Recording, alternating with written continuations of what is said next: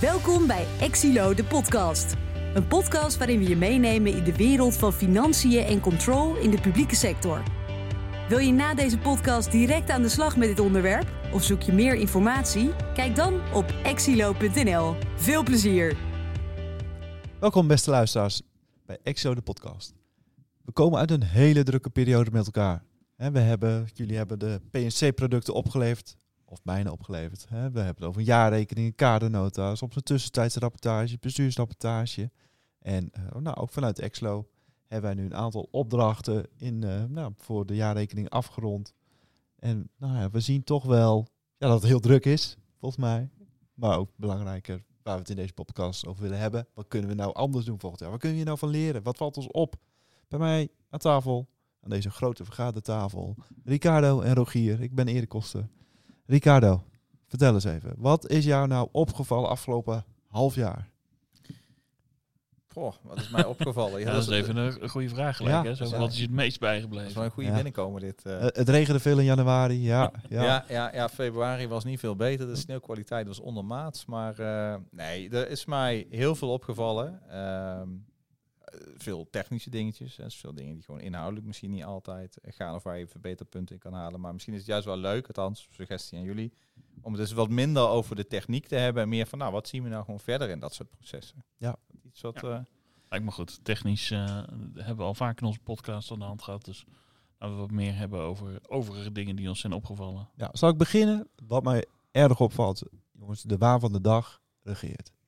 Iedereen is Ja. mega druk met brandjes blussen, met wat vandaag ineens moet. En eh, ja, daar vind ik echt heel opvallend en dat blijft opvallend. En dat zie je denk ik bij veel organisaties. Maar ik zie het nog niet doorbroken worden. Nee, ik wil zeggen, het is ook niet iets nieuws. Hè. Het is niet alleen van dit jaar, maar eh, misschien wel door eh, alle krapte op de arbeidsmarkt. Dat dat steeds iets nou, meer gevoeld wordt in ieder geval in de organisatie. Maar zeker dit jaar was weer niet minder dan in voorgaande jaren. Ik zie ook veel ad hoc dingetjes. eh, dingen die eh, al gisteren af moeten. En, nou ja, iedereen heeft het gevoel een beetje dat hij achter de feiten aanloopt. Ja. Ja. Ja, je zegt, er zijn heel veel dingen die iedereen elk jaar weer doet. Ja. En dat zie je ook in zo'n traject, of het nou de jaarrekening, een begroting of wat dan ook is. Het is een soort uitgetekend traject van nou, oké, we doen dit en dan hebben we dit, dan hebben we deze overlegstructuur en deze sprintjes gaan we doen en dan gaan we dit samenvoegen. En eh, ik denk inderdaad wat je, eh, wat je zegt, dat door de krapte, ehm, je ziet dat bepaalde functies niet ingevuld worden of dat je het met minder mensen moet doen, of moet doen. En dat er wordt dan niet een moment gepakt om even na te denken over, zijn nou al die kleine stapjes die we moeten doorlopen, zijn die nou essentieel om te komen tot het eindproduct? Of gaan we Ja. dan maar met minder mensen dezelfde stapjes doorlopen, waardoor we eh, heel druk zijn, of in ieder geval soms ook denken dat we heel druk, eh, ons heel druk voelen. En heel veel tijd, als het ware, weglekt in dingen die niet helpen in dat eindproduct wat je zou willen opleveren. Ja, eh, eens. Ik denk dat dat een belangrijke factor is. En desondanks eh, denk ik eh, misschien positief iets wat mij ook opgevallen is. Nog steeds de, de, zeg maar de betrokkenheid en de passie van heel veel medewerkers in de publieke sector bij hun, eh, nou ja, bij hun werk. Ja. En tegelijkertijd maakt dat misschien ook wel dat ze het moeilijk vinden om dingen los te laten. Hè? Dat ze heel erg de dingen goed willen doen in plaats van dat ze nadenken of ze nog wel de goede dingen aan het doen zijn. En dat is misschien wat jij bedoelt. Ja, nou, ja, ja, ja je, je verwoordt dat wel heel mooi inderdaad. eh. en ook in een positieve zin. Nee, het is helemaal wat je zegt. Hè. Kijk, in ieder geval bij de opdrachten eh, die wij hebben gedaan, zijn al die producten wel op tijd afgekomen en echt wel weer op het niveau waarop ze zouden moeten. Ja. Eh, dus dat is natuurlijk hartstikke mooi om te zien. Alleen je ziet ook dat iedereen daardoor wel ja, heel veel tijd kwijt is geweest. En dat is ja, soms ook wel, nou ja, ik denk bij sommige mensen ook wel tot frustratie aan toe. Gelukkig niet hier aan tafel bij ons, maar ik heb bij opdrachtgevers echt wel mensen gezien die er echt goed doorheen zaten. Van, pff. Hè, dan moet ik weer. Ja, dat is ook steeds het gevoel dat er elke keer meer bij komt. Hè? Ja. Zal ik nog iets noemen wat me opvalt? Het valt mij op dat er ontzettend veel overleggen zijn. Waar iedereen rustig aan tafel zit. Ja. En rustig de tijd neemt. Ja, vind ik ook wel een mooi voorbeeld. Rustig, zonder agenda. Zonder agenda, let wel. Een uur vol hou- houdt, hè, met elkaar te Ja. overleggen. Nee, klopt. Er is veel. eh, nou, ik heb ook regelmatig bij overleggen gezeten. Dat ik denk, nou, we zitten hier nu te overleggen om het overleggen. Ja. En we denken niet echt na over wat nou het doel van dit overleg is. En of het noodzakelijk is dat we dat op dit moment voeren met elkaar. projectgroepen, werkgroepen, werksessies, stuurgroepen. Ja. Geef het beestje een naampje. Ja. Maar er zijn inderdaad heel veel verschillende varianten geweest eh, waar we mee te maken hebben. Precies. Ja, dat is ongekend. En ik vind ook, vind het bijzonder om te zien. Hè? Daar zitten mensen aan tafel en ehm, zullen ongetwijfeld bewust uitgenodigd worden. Maar er zitten mensen aan tafel dat ik denk van, oké, maar waarom zit ik hier nu bij? Ja. Ik heb het zelf gehad dat ik denk van, waarom zit ik bij dit overleg? En- en- ja, toch hè? Wat doe jij dan? Ja, dat. We gaan volgende, oh, door naar het volgende. Dankjewel, Ricardo. Nee. Nou ja, maar het is wel grappig. Ja. Ik, ik heb dat ook gehad. En ik vind dat soms best wel lastig. Want dan zit ik daar en ik merk ook wel eens dat ik dan tegen jullie zeg... Na, na zo'n overleg van... Nou, ja, ik heb weer een uur een overleg gehad. En eh, ja, ja, ik had in dat uur ook iets anders kunnen doen... wat misschien meer waarde had toege- eh, toegevoegd aan zo'n klant. Ja.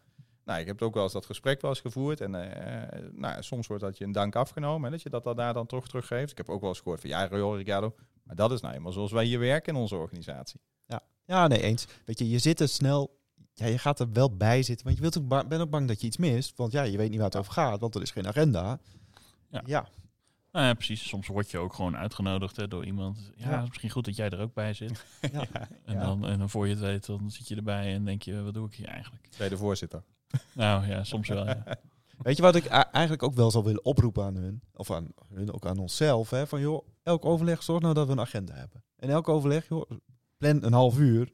Of desnoods, hè, als het niet via Teams maar fysiek is. Ja, blijf gewoon even allemaal, ga op een tafeltje staan. En ga, blijf ook staan. Hè? En ga niet zitten als je druk hebt. Maar joh, even de gast erop. Even, joh, wat moeten we nou echt overleggen met elkaar? Wat hebben we nou te bespreken? En dat is het dan ook. Nou ja, of denk misschien even bij een terugkerend overleg, twee dagen van tevoren na, van joh, hey, over twee dagen dit overleg. Is- Hebben we iets te bespreken? Ja. Of gaan we bij elkaar zitten omdat het in de agenda staat? Ja, wat je soms ook wel ziet is dat wij, eh, dat is denk ik ook Nederlands, we moeten dat niet helemaal weghalen, hè, maar dat we graag Ja. met elkaar praten.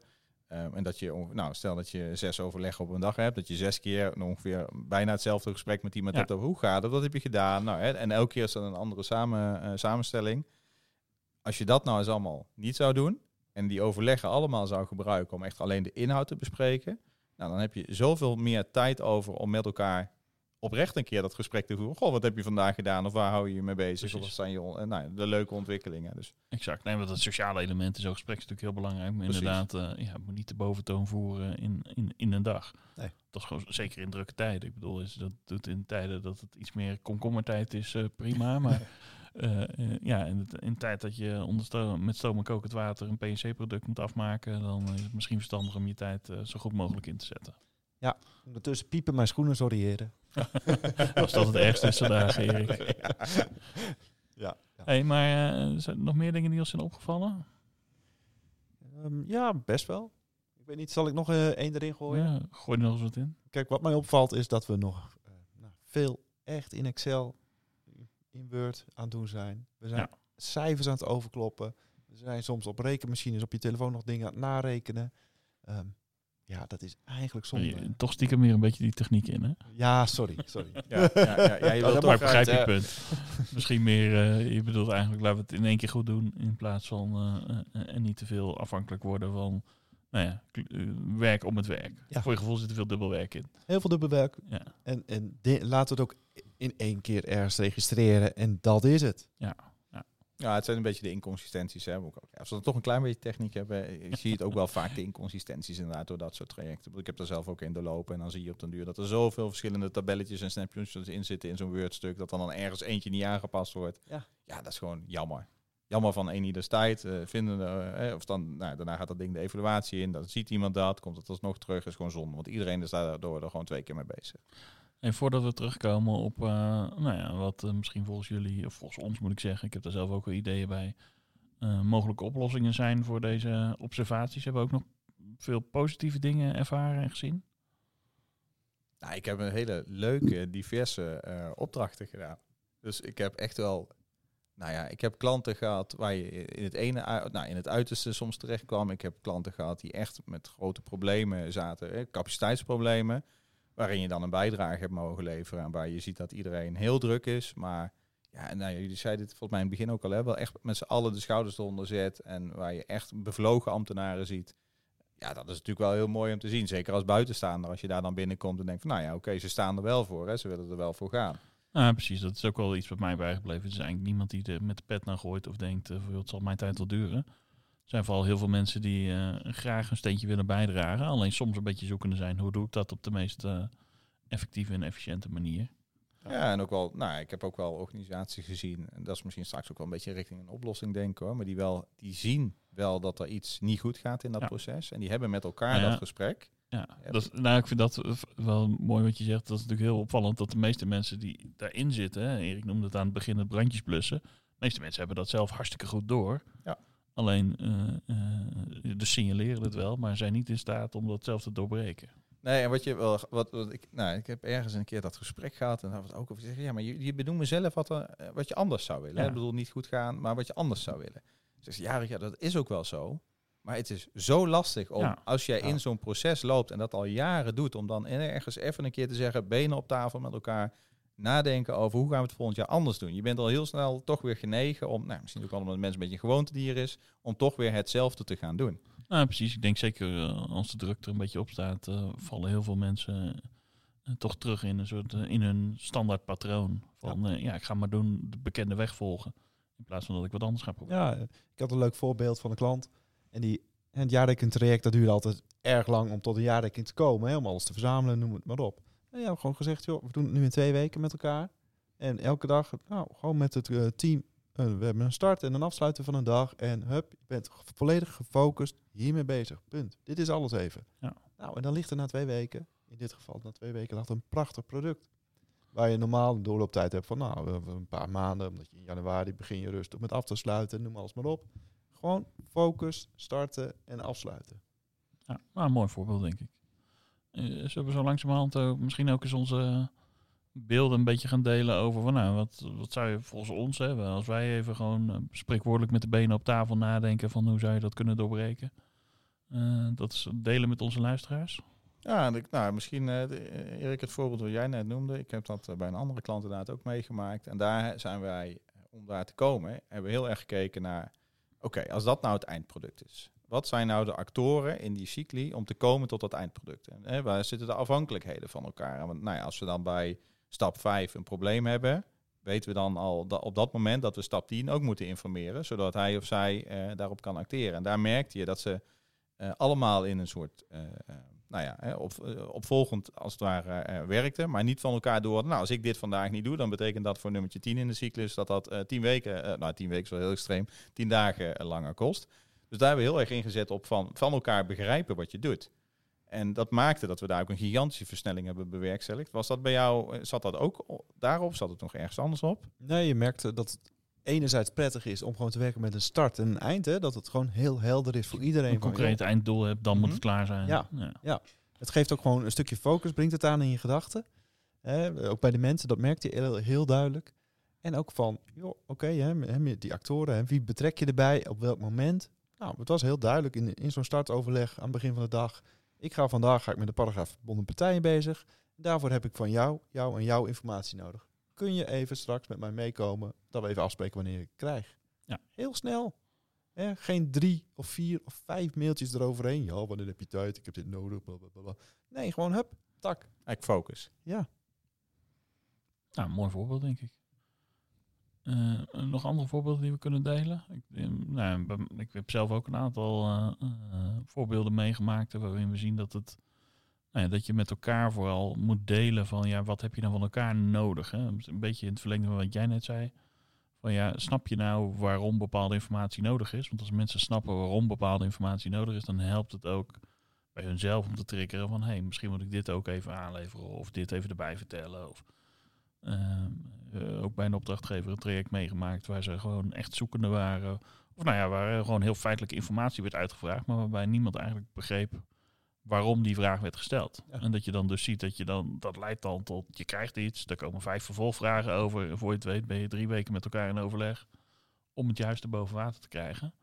Terwijl als je even aan de voorkant met elkaar twee minuten had, eh, bij het koffieapparaat had gestaan en gezegd van joh, ik heb eigenlijk dit van jou nodig en ik ga daar dat mee doen dan had je denk ik heel veel van die vervolgvragen eh, nou, voorkomen en kun je ook voorkomen. En dat hebben we daar ook gezien. Hè. Dat hebben we op een gegeven moment in het traject een beetje bijgestuurd.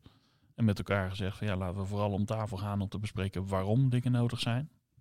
Eh, en dat heeft denk ik heel veel vragen daarna voorkomen, waardoor je een veel efficiënter proces kunt doorlopen. En gewoon de dingen in één keer goed doet. Ja, nou, ja, ja. Klinkt inderdaad wel, uh, klinkt wel aannemelijk. Klinkt heel voor de hand liggend, Ja. maar uh, nou, denk maar eens terug aan uh, situaties waar je zelf in hebt gezeten. Dat heel vaak leidt het tot je krijgt iets, de vertraging zit in vervolgvragen en dan gaan dingen heen en weer. Ja. En dan bij voorkeur, wat Erik net al zei, via de e-mail, hè, waardoor dan helemaal alle context verloren gaat. En dan frustratie ja, ontstaat. Ja, voor, je, voor je het weet ben je twee weken bezig met elkaar uh, om een heel simpele vraag te beantwoorden. Nou ja, is, het is, misschien wel een bruggetje naar nog een andere uh, tip. Althans, waar je nu ziet dat we langzaam aan de evaluatiefase ingaat of gaan. Je ziet dat heel veel klanten graag willen evalueren. Ook hè, omdat het moet. We moeten nu eenmaal ons traject evalueren. Ja, ik zeg altijd, ja, als je gaat evalueren om het evalueren, stop dan alsjeblieft met het evalueren. Dat is drie keer woordwaarde. Uh, nee, en dan ga je met elkaar dat gesprek voeren en dan zie je in de praktijk, dan gaan we lijstjes rondsturen via de mail. Krijgen we een lijstje terug. Wat ging er goed? Wat ging er niet goed? Wat ging er extern niet goed? Wat ging er extern heel goed? Nou, dat gaan we bij elkaar vegen. Gaan we een keer met elkaar over hebben. Punt. En daar zie ik nu uh, in deze tijd wel echt een belangrijke meerwaarde. En als je dan met elkaar gaat evalueren, nou, uh, daag elkaar dan in ieder geval uit. Als je op een, punt vraagt, zeker hè, iets wat je graag anders zou willen, van oké, wat moet er dan anders? En zorg dan ook dat als je hebt bedacht van nou, dit zou er anders moeten, dat je de desbetreffende mensen die daarbij betrokken zijn ook bij betrekt. Um, dat je ook duidelijk maakt van nou, waar koersen we op? Wat is dan dat ontwikkelpotentieel? Wie is daar verantwoordelijk voor? Welke mensen zijn er verantwoordelijk voor? Uh, maak er, uh, dat je ook data creëert of uh, definieert van nou, daar sturen we op. Ja. Dus dat het niet alleen maar het evalueren is om een documentje te vullen, maar dat je ook echt wat gaat veranderen in dat proces. Nou, precies. En durf daarin ook keuzes te maken. Je kunt beter twee dingen goed doen. Dingen die je echt wil veranderen volgende keer dan een lijst maken met 15 dingen die je wil veranderen en die allemaal half doen. Weet je, en er zit ook een gedragscomponent in. Hè? Want Ja. uh, we zeiden dat net al. Er zit echt wel in van, joh, uh, ga je eerst mailen? Ga je eerst op zo'n manier bezig? Of, hup, pak je de telefoon of loop je even naar iemand toe? Nou, Ja. kan dat niet altijd meer met corona, dat we anders werken. Maar je kunt altijd iemand even bellen, even teamsen. Is heel ja, en, vaak is het ook zo dat, ja, het is niet zo dat je niemand meer moet mailen, maar het helpt om even van de voorkant de verwachtingen helder te stellen. Als je Ja. dat eenmaal hebt gedaan, kun je prima met iemand mailen. Ja. En dat is helemaal geen probleem, maar je moet het wel even met elkaar eh, eh, afvangen. En wat, wat mij ook nog wel eens opvalt, een heel ander voorbeeld, ehm, is, eh, we hebben natuurlijk eh, net ook al benoemd hè, dat er best wel een krappe markt soms is. En dat het lastig is om functies in te vullen, dat mensen daar heel druk zijn. Nou, jullie kennen denk ik allemaal wel de voorbeelden eh, waarin dan wordt gezegd, nou dat moeten we extern oplossen. Met spoed vaak. Ja. Zeker, vaak inderdaad met spoed. Ehm, en eh, wat mij daar opvalt, is dat eigenlijk los van de vraagstelling heel vaak gegrepen wordt naar het, eh, de oplossing om een functie te vervullen. Dus nou, we hebben eh, een probleem en daar heb ik iemand voor nodig. En dat zijn zoveel uren in de week voor zo lang en that's it. En dat wordt dan in de markt gezet.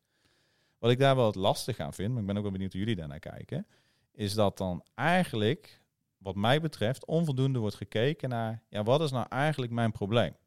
Wat is mijn vraagstelling die ik heb? En is het nou inderdaad zo dat ik het meest geholpen word door het invullen van een functie op dat moment? Door een externe, in dit geval, maar het kan natuurlijk net zo goed zijn dat je een factuur in de markt zet. Is dat nou het probleem? Of is dat nou de oplossing voor het probleem? Ik denk dat het ook dat een voorbeeld is van dat mensen gewoontedieren zijn. Dus ik denk dat de primaire reflex is van ik heb een probleem in een proces, dan heb ik eh, capaciteit daarvoor nodig en daar ga ik iemand voor inhuren. En eh, eh, ja, dan zie je dus vaak dat er eh, iemand wordt ingehuurd. Ik heb zelfs, ik moet zeggen, bij twee opdrachtgevers dit jaar, nou toch bijna schrijnend zou ik willen zeggen, gehoord van ja, ik ben blij dat ik in ieder geval iemand heb. Hè. Ik ben niet helemaal blij met hoe diegene het doet, maar ik ben blij dat ik in ieder geval iemand heb. Dan denk ik, ja, oké, dat is best wel heftig wat je dan zegt. En dat komt wel een beetje door wat jij zegt van ja, we hebben een probleem. En wat, wat is nou eigenlijk dat probleem en hoe los ik dat het beste op? En we merken natuurlijk zelf ook in de praktijk. Hè. Wij hebben zelf ook wel de, de, eh, nou, het gesprek met elkaar over als er een klantvraag komt, moeten we dat nou wel of niet doen? Want ja, is dit wel de beste oplossing voor het eigenlijke probleem bij zo'n klant? In, in de gesprekken wat, die we voeren zien we dat natuurlijk ook wel eens dat eh, eigenlijk de vraag achter de vraag niet zozeer is, ik zoek een poppetje voor 16 uur in de week, maar nou, ik heb een bepaald probleem, een tijdelijk probleem wat ik wil oplossen. Misschien kan dat wel veel beter in een soort projectvorm, waarbij je niet één poppetje eh, inzet, maar waarbij je gewoon in een projectteam, bestaande uit eigen medewerkers en misschien soms ook met externe medewerkers, dat project aanvliegt. Ja, en wat je merkt, waardoor ontstaat dit ook. eh, Ze zitten vast aan de regels, voor hun gevoel. Ik Ja. heb begroot op salariskosten. Dus ja, ik heb salariskosten. Nou, Ja. dus moet ik iemand inhuren. Ja, Ja, Ja, Ik ik, heb budgetten. ik ook, ja. Hè, ik heb, zit met mijn aanbestedingsregels. Dus, en ik heb een inhuur nou ja, overeenkomst bij, of ik heb het bij een DAS geregeld. Dus doe ik het op die manier. Eigenlijk, ja, dat is niet de bedoeling. Hè? Als je er over nadenkt, dan is natuurlijk is de bedoeling dat de oplossing zo goed mogelijk is.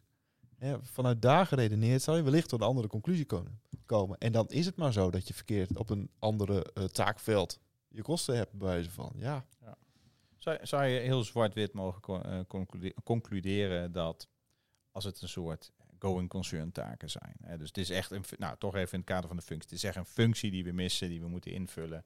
Dat het dan helemaal niet zo gek is om op die manier een uitvraag te doen.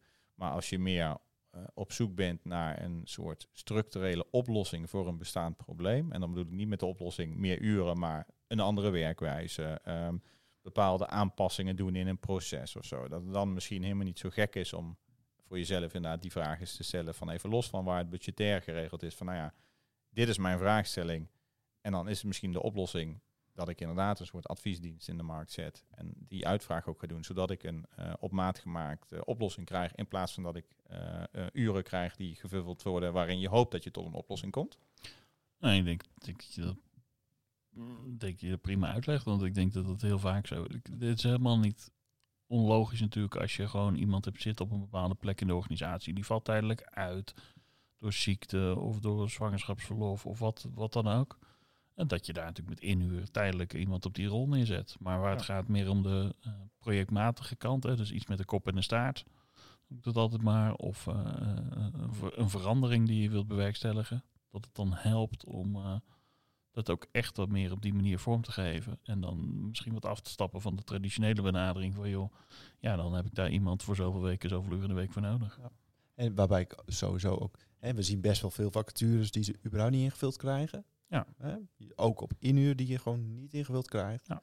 Hè, dus misschien, het is ook wel de zaak, joh, denk eens anders. Hè? Probeer eens hè, met iemand te sparren, joh. Ja, kan ik het überhaupt anders doen? Hè? Kan ik, Ja. Nou, dan heb ik het over nou, een andere soort opdracht in de markt zetten is één. Maar misschien zit het ook wel meer ja, in de IT-oplossing. Ja, kan ook.